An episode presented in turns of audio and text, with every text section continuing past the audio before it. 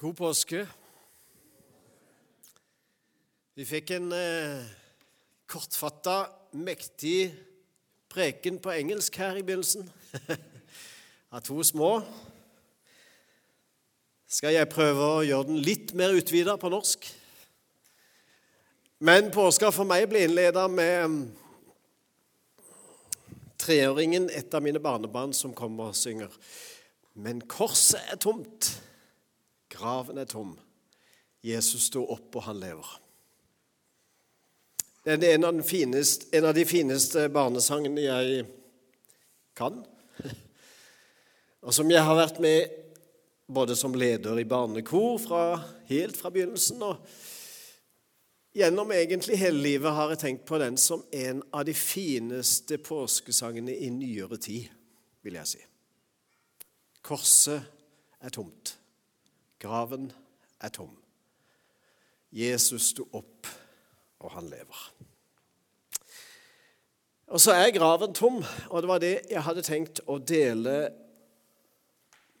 noe mer med dere i dag. Og I dag så tenkte jeg at vi faktisk vil lese teksten sammen. Skal vi gjøre det? Det er ikke så ofte vi gjør det. Håper dere kan se. Jeg stilte meg bak her tidligere i dag, og jeg ser ikke så godt lenger, jeg heller. Eh, og Jeg greide å lese det, så jeg håper dere greier å lese det, og dere kjenner i hvert fall teksten. Men her står han. Eh, la oss reise oss, og så leser vi den sammen.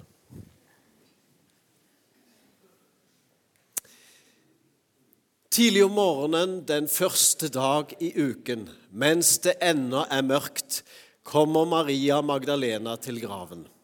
Da ser hun at steinen foran graven er tatt bort.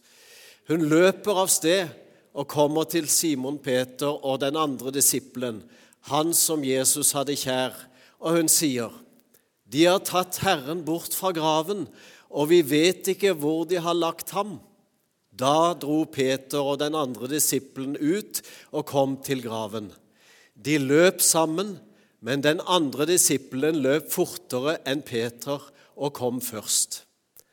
Han bøyde seg fram og så linklærne ligge der, men gikk ikke inn i graven. Simon Peter kom nå etter, og han gikk inn. Han så linklærne som lå der, og tørkleet som Jesus hadde hatt over hodet. De lå ikke sammen med linklærne, men sammenrullet på et sted for seg selv. Da gikk den andre disippelen også inn, han som var kommet først til graven. Han så og trodde. Fram til da hadde de ikke forstått det Skriften sier, at han måtte stå opp fra de døde. Disiplene gikk så hjem. Amen. Vær så god og sitt.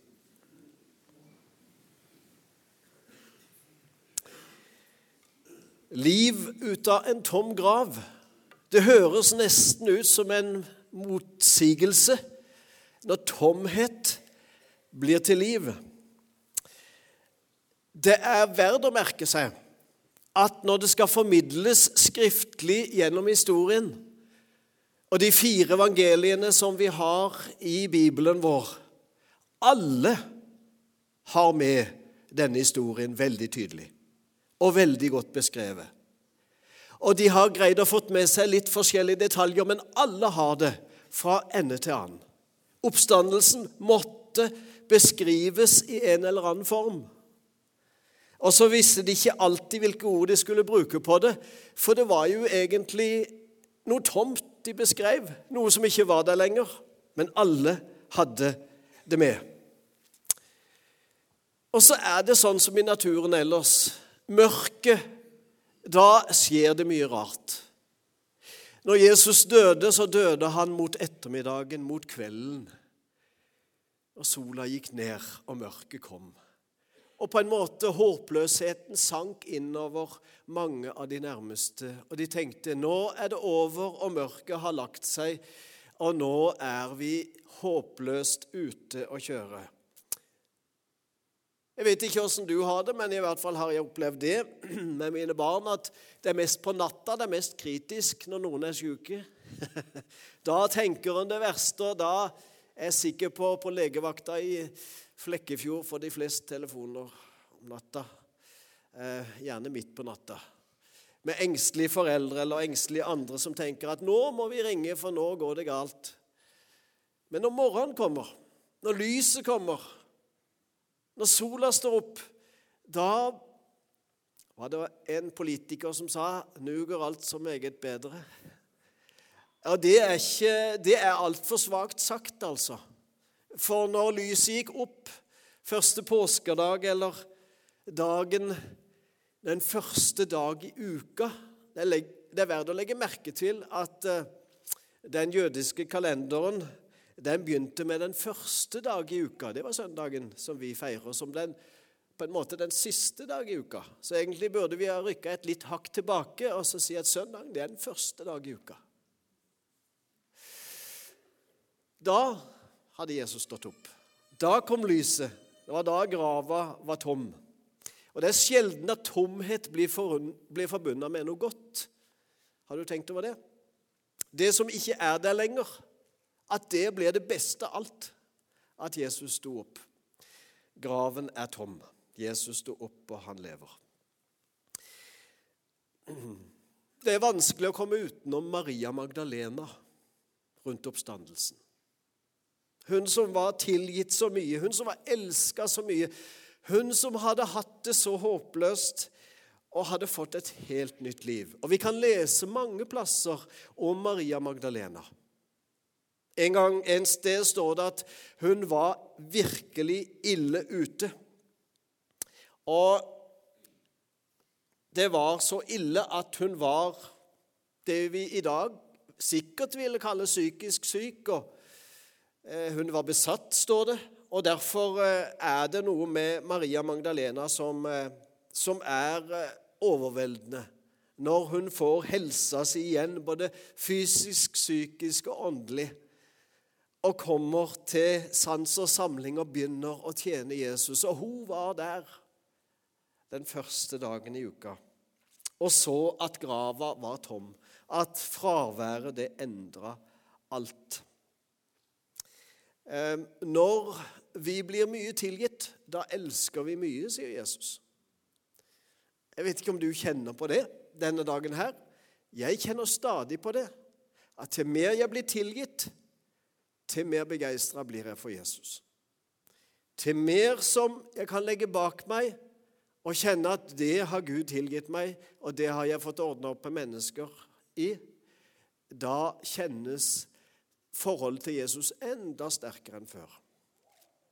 Det vil si at den som ikke har smakt på tilgivelse, tror jeg heller ikke kan greie å kjenne på nærheten og godheten i Jesus når han er nær oss, og det han gjør for oss og i oss. Det var noe med grava og de voksne den dagen som jeg vet ikke du har tenkt på før, men når voksne løper, da er det alvor. Når barna løper, det er helt naturlig. Det er helt naturlig. Barna springer hele tida. De sprang i Jesu nærhet, inn og ut, og de bråkte som Og noen sa at hysj. Nei da, la de springe, la de holde på, sa Jesus. Og hvis de stopper, så er det noe galt. Da skal jeg få noe helt unaturlig til å rope og skrike steiner. Men barna er det helt naturlig at de springer ut og inn. Og jeg har sagt det før, jeg, altså. Det gjør ingenting om barna springer i gudstjenesten. Eller som grensa er muligens mellom meg og talerstolen. Det, det da mister jeg konsentrasjonen. Men ellers så må de gjerne gi lyd fra seg og springe, altså. Men når voksne springer, da, da skal vi følge med. Da skjer det noe alvorlig. Enten så er det frykt som driver en til å springe, redsel, komme seg unna. Eller så må det være veldig interessante ting på gang. Eh, sammenstimlinger. Når skjer det noe? Ja, det skjedde noe der. Og Johannes og Peter, de sprang. Johannes hadde fortrinn. Han var ung. Jeg skjønner jo det når barn og barnebarn springer fra meg, altså. Det har jeg ingen problemer med å forstå, pga. at jeg ligger noen år foran. Så jeg springer ikke så fort lenger. Har vel aldri satt vel, store rekorder, men allikevel eh, når barnebarna springer forbi meg. Det er helt greit, altså. Og Johannes sprang fort.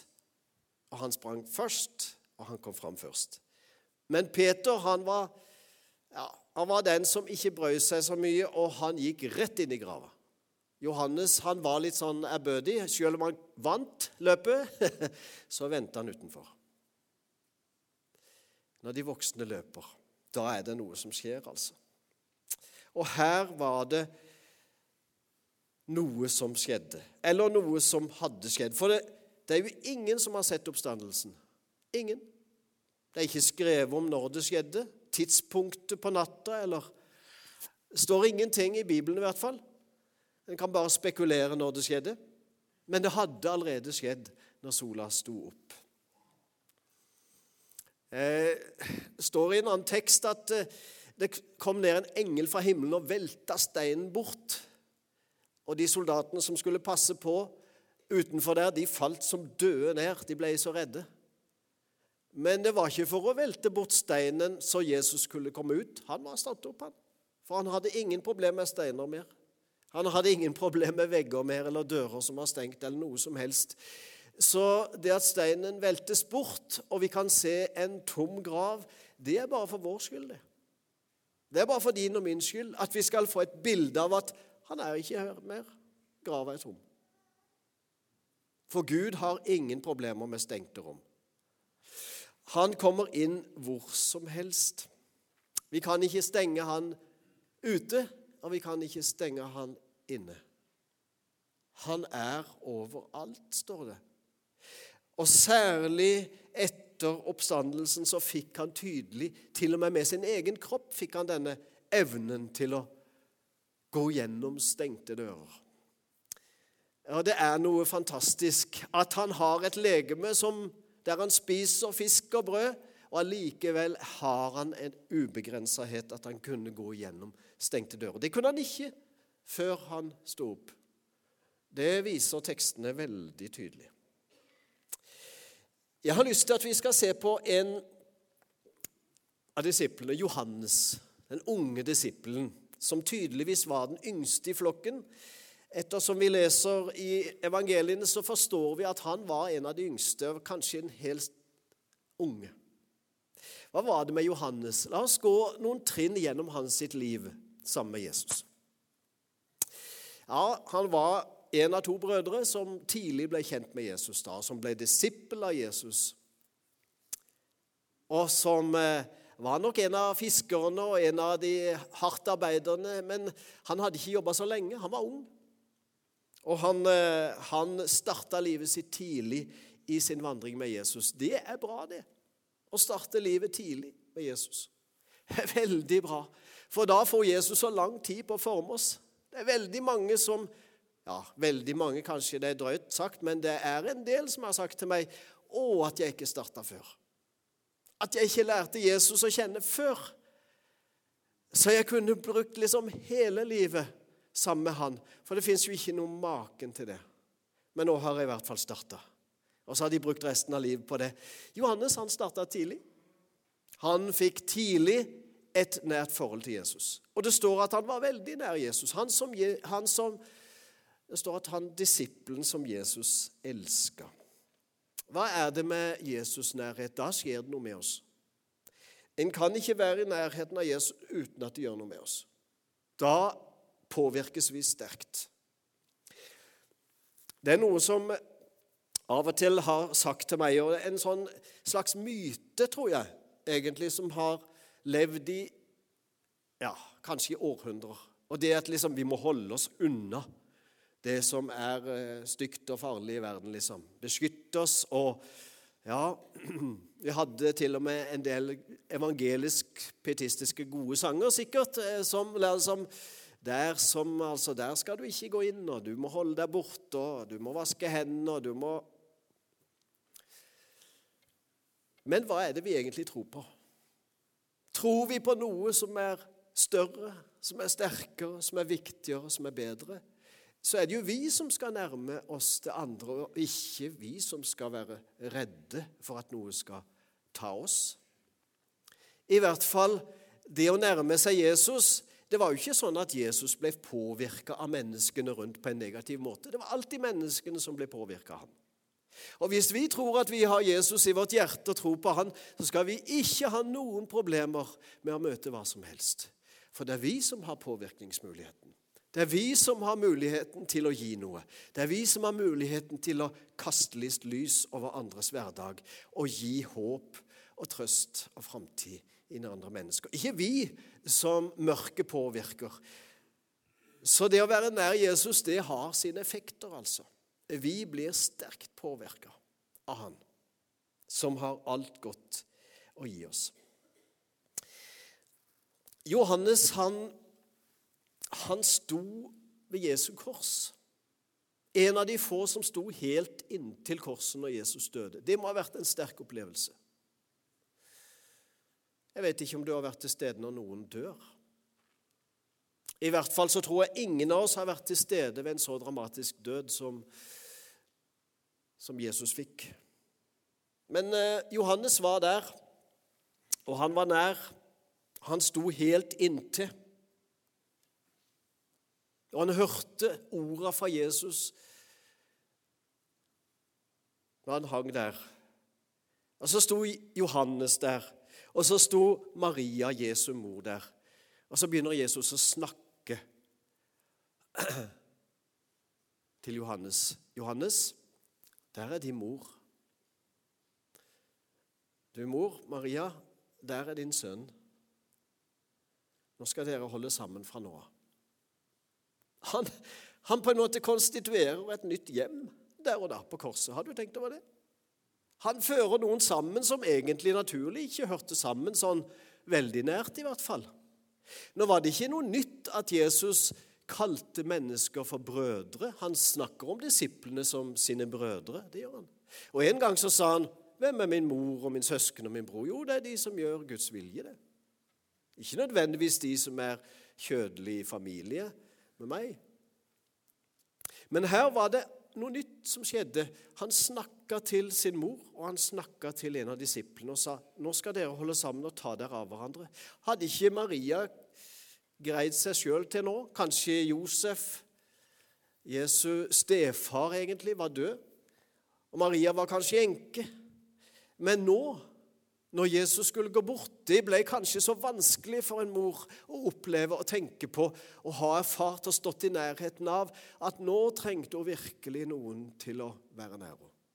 Ta seg av henne på en ny måte. Så fra den dagen så står det så tok Johannes henne hjem til seg. Hun flytta inn. Flytta inn. Og det ble liksom mor og sønn på en helt ny måte. Men hva er det Jesus da sier? Han sier egentlig det er Nå skal du behandle Johannes som om du hadde behandla meg. Han er min bror nå. Holdt på å si mer enn mine andre kjødelige brødre. Ta godt hånd om han, Maria, og han skal ta hånd om deg. Og så har det vært veldig interessant å lese historien videre om det hjemmet, hvordan det så ut. Men her er det noe nytt som skjer. Ved Jesu kors, før han dør, så fører han to mennesker sammen. Den yngste disippelen og sin egen mor. Og sier nå skal dere ta dere av hverandre, og nå trenger dere hverandre som aldri før. Av og til så er det godt å være i forsoningens tjeneste. Nå tror jeg ikke at Johannes og Maria hadde noe uoppgjort. Det står i hvert fall ingenting om det. Det står ingenting om at de hadde krangla om noe eller noe som helst. Det er ikke sikkert de snakka stort sett til hverandre fra før, men nå snakker de sammen. Og hvis vi leser etter om eh, i apostlenes gjerninger om når Jesus var fart opp til himmelen, så står det at eh, disiplene var der, og Maria, Jesu mor, var der. De holdt sammen nå. Nå holdt de sammen som aldri før. Fordi at de var forent i noe helt nytt. Et familiefellesskap som Jesus så å si hadde innstifta når han hang på korset. Forunderlig fortelling, egentlig. Ja, og når Jesus hadde stått opp, så kom han tidlig til den tomme grav. Johannes. Og Han er altså den første det står om at han trodde på det som har skjedd. Han var ikke troende til hva som helst. Han var Jesus-troende fra første stund. Var det ungdomshjertet som var lett å bevege? Mulig det. Som var lett å få planta troen inn i. Av litt hardere grunn med Peter og de andre. De måtte liksom ha noen runder før det gikk helt opp for dem. Johannes tok det der og da. Han så og trodde, står det. Det er flott egenskap, altså. Det er flotte flott egenskap. Når jeg er sammen med barnebarna eller andre barn Det er ikke så vanskelig å få barn til å tro på det en sier. I hvert fall ikke hvis en opptrer troverdig. det kan jo hende. Men, eh, altså at en ikke gjør det. Men det er noe med å Når en voksen sier noe til et barn, så er det en overveldende mulighet for at det blir trodd enn mellom to voksne. Johannes var ikke noe barn lenger. Han var voksen, men han var en ung kar fortsatt. Han så og trodde, og det ble retningslivene for hele hans liv videre. Så gikk han inn, og han så og trodde. Johannes var nok ikke den som sto fremst. Peter var gjerne den som sto fremst. Og han eh, forkynte og skrev eller, og hadde stormøter. Peter eh, var i begivenhetenes sentrum. Johannes han la et stillferdighetens løp fra da av, som førte han veldig langt. Hvis vi leser i brevene til Johannes, så var det noe med oppstandelsen. Det var noe Det han skrev i sine brever, som sa noe om han hadde fått et veldig nært forhold til Jesus. Johannes sine brever de er fylt av kjærlighet. Det står ikke det i Bibelen, men uh, historien forteller faktisk det at uh, når Johannes ble skikkelig gammel For Johannes ble gammel. Han var ung da han møtte Jesus, og han fikk leve et langt liv. Og når han ble så gammel at han ikke kunne gå lenger, bar de han inn til gudstjenestene, står det til fellesskapet sammen med de andre kristne der han bodde. Og Så satt de ham på en stol, og så sa han, 'Nå kan du preke for oss, du som har opplevd det meste.' Han hadde bare én ting å si. Elsk hverandre.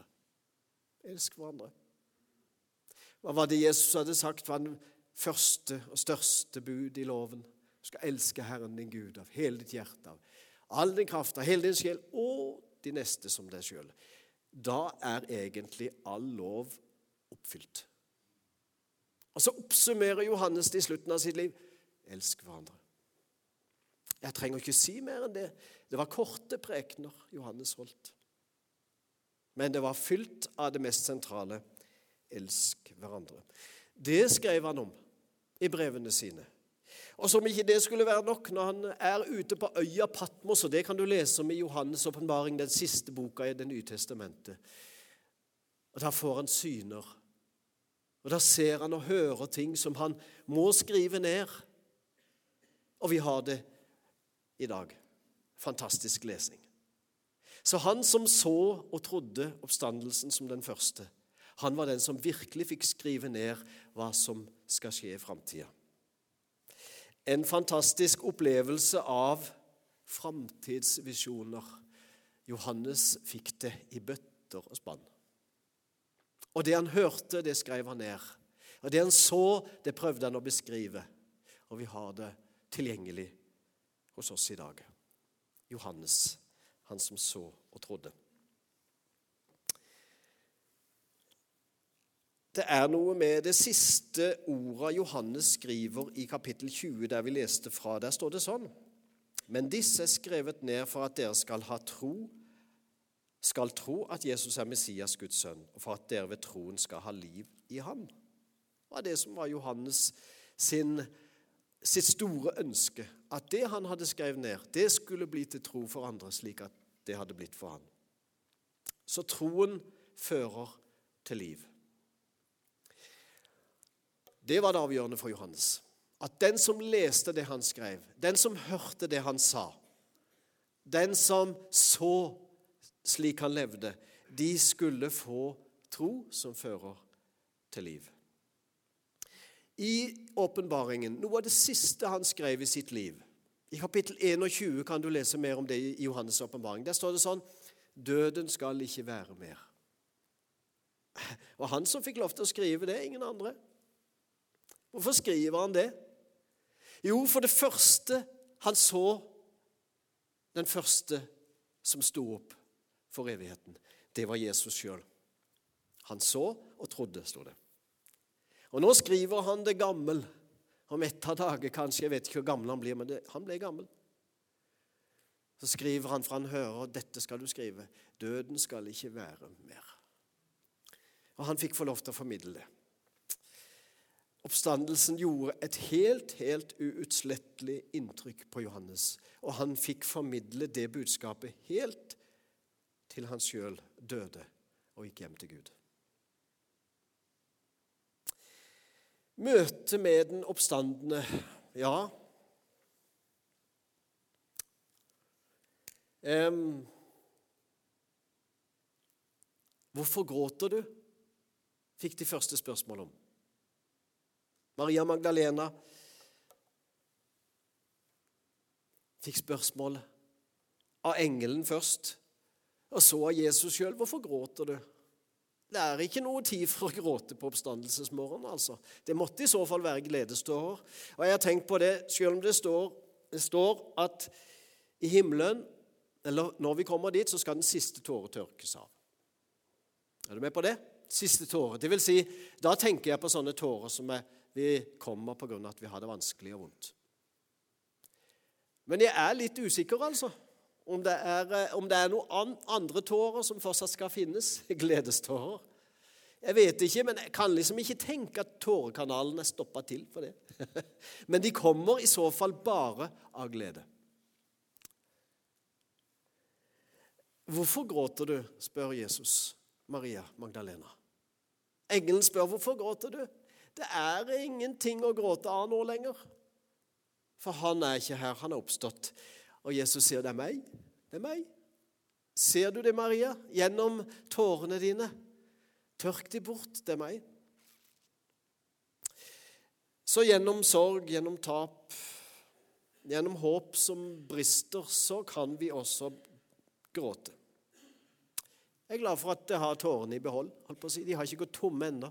Det fins sikkert flere, mer ting å gråte for i livet så lenge jeg lever. Men dette trenger jeg ikke gråte for. At Jesus døde, var tøft, men at han sto opp, det er bare å glede seg og rope halleluja for. Sånn som vi sang. Den tomme grav, den utfordrer egentlig vår tro, da. For den er helt avgjørende for vår tro. Oppstandelsen er avgjørende for vårt håp. Det er nesten så det er rart å tenke på at hvis Jesus hadde dødd på korset, sont vår synd, men ikke stått opp igjen, da er det noe totalt som mangler, som gjør også Jesu død problematisk. La oss lese. Ole Georg siterte noe fra det eh, her i stad. Men fra første Korinterbrev så står dette her. Men hvis Jesus ikke er stått opp, da er deres tro uten mening, og dere er fremdeles i deres synder. Det er også de fortapt som har sovnet inn i Kristus. Hvis vårt håp til Kristus gjelder bare for dette livet, er vi de ynkeligste av alle mennesker. Men nå er Kristus stått opp fra de døde, som førstegrøden av dem som er sovnet inn. Litt gamle ord, litt uh, høyverdige ord. Jeg har lyst til at vi skal lese det sammen også denne gangen. Skal vi gjøre det? Men hvis ikke Kristus er stått opp, da er deres tro uten mening, og dere er fremdeles i deres synder. Da er også de fortapt som har sovnet inn i Kristus. Hvis vårt håp til Kristus gjelder bare for dette livet, er vi de ynkeligste av alle mennesker. Men nå er jo Kristus stått opp fra de døde, som førstegrøden av dem som er sovnet inn. Amen? Amen? Ja. Jeg er ikke veldig sånn karismatisk til vanlig, men det passer seg å si amen og halleluja noen steder, altså. Dette er virkelig et av stedene. Uten oppstandelsen så er det ikke bare det at det ikke fins noen himmel å komme til. Men det fins ikke noe håp. Det fins ikke noe verdighet for dette livet. Det fins ikke noe godt å formidle som går utover vår egen hverdag. Ja, sier noen, kanskje vi kunne ha levd et noenlunde bra liv. Kanskje vi kunne vært litt bedre mennesker. Kanskje dette livet kunne blitt noe annerledes, men vi hadde ingenting å se fram til. Da sier Paulus rett ut da er vi egentlig de ynkeligste av alle. Så uten oppstandelsen så blir på en måte Golgata og Jesu kors det henger i løse lufta. Men nå er Jesus stått opp. Han har gått foran. Hvordan var møtet med den oppstandende? Ja, det måtte være fantastisk. Uten oppstandelsen var, vi altså ynkelige, men oppstandelsen den endrer alt. Da åpnes eh, evigheten foran oss. Vet du, jeg tenker alltid på evigheten på den måten. Det er liksom ikke én plass der framme, noe helt sånn udefinerbart, noe fint og lyst og flott. Men evigheten er jeg satt inn i her og nå. Og så skaper ikke døden noe brudd i den evigheten. Den skaper bare en ny fortsettelse. På grunn av at Jesus har stått opp, og jeg får lov til å tro på det, som Johannes. Og om jeg ikke har sett det, så tror jeg allikevel. Og Jesus sa en gang at det var egentlig veldig bra å ikke si allikevel tro. Så hvis du er blant de som ikke nødvendigvis har sett så veldig mye, men allikevel holder fast i troen, så er du av de som Jesus sier, salig er den som ikke ser og likevel tror at Jesus har stått opp, og at du er midt inne i din evighet som Jesus har skapt for deg. Når døden kommer, så er det bare en overgang. Da fortsetter evigheten for deg og for meg. Den som ikke kjenner det håpet Jeg har vært, eh, jeg må si jeg har vært i en del begravelser. Også for mennesker som ikke nødvendigvis levde med noe håp til Gud holdt på å si, Uansett så er begravelser sørgelige saker. Det er jo et sted for sorg, men av og til blir det også et sted for virkelig håp. Men når håpet er fraværende, da er det bare sorgen igjen. Hvordan kan vi leve med det? Jeg hadde ikke greid å leve med det. Jeg må liksom ha tak i lyset. Jeg må ha tak i oppstandelsen. Jeg må leve. Jeg må henge i bak på Johannes, altså som så og trodde, og som hadde lagt løpet for evigheten, og som beskrev noe av den slik den kommer. Vi kommer ikke videre uten oppstandelsen. Livet, evigheten, den, det er åpna for oss i Jesu oppstandelse. Den tomme grav, ja. Slik er det. Den er tom og forblir tom og så vet vi ikke helt sikkert hvor Jesu grav var. Noen har prøvd å finne den. Noen har sagt 'dette er grava'. Jeg har vært ved en av de stedene, jeg òg. Der det absolutt var en grav, en tom grav. Der det var en stein som var rulla til side. Der de hadde skrevet på innsida i grava 'Han er ikke her, han er oppstått'. Men om det var det stedet eller noe annet, det betyr egentlig ikke så veldig mye for meg. Jeg vet bare at han er oppstått. Grava er tom, og det er så mange vitner til det. Og egentlig den største oppgaven til alle i disippelflokken, hva var det? Jo, det var å være oppstandelsesvitner. At noen hadde sett Jesus dø, ja, det var ikke så underlig, for det hadde mange sett. At noen hadde hørt Jesus preke, det hadde de gjort. At noen hadde hørt Jesus sette fast fariseerne når de prøvde å fange han i ord, det hadde de hørt. Men oppstandelsen det var ikke mange som hadde fått med seg. Det var det disiplene skulle vitne om. Det var det de var utsendt for å forkynne. Det var det som kom til syne i hele deres resten av tjenesten av deres liv. Det er det Johannes skriver om på slutten av vår bibel. Døden er ikke mer.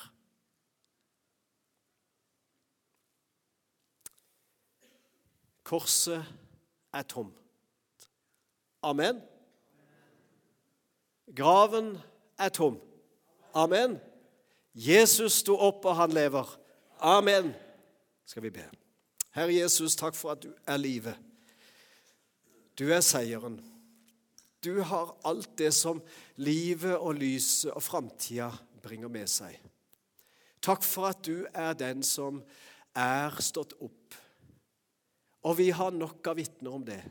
Og vi priser deg for ordet vi har iblant oss, som har blitt bevart inntil i dag, slik at vi kan lese, slik at vi kan med våre indre øyne se, og i alle fall slik at vi kan tro at du lever, og at du lever for oss. Amen.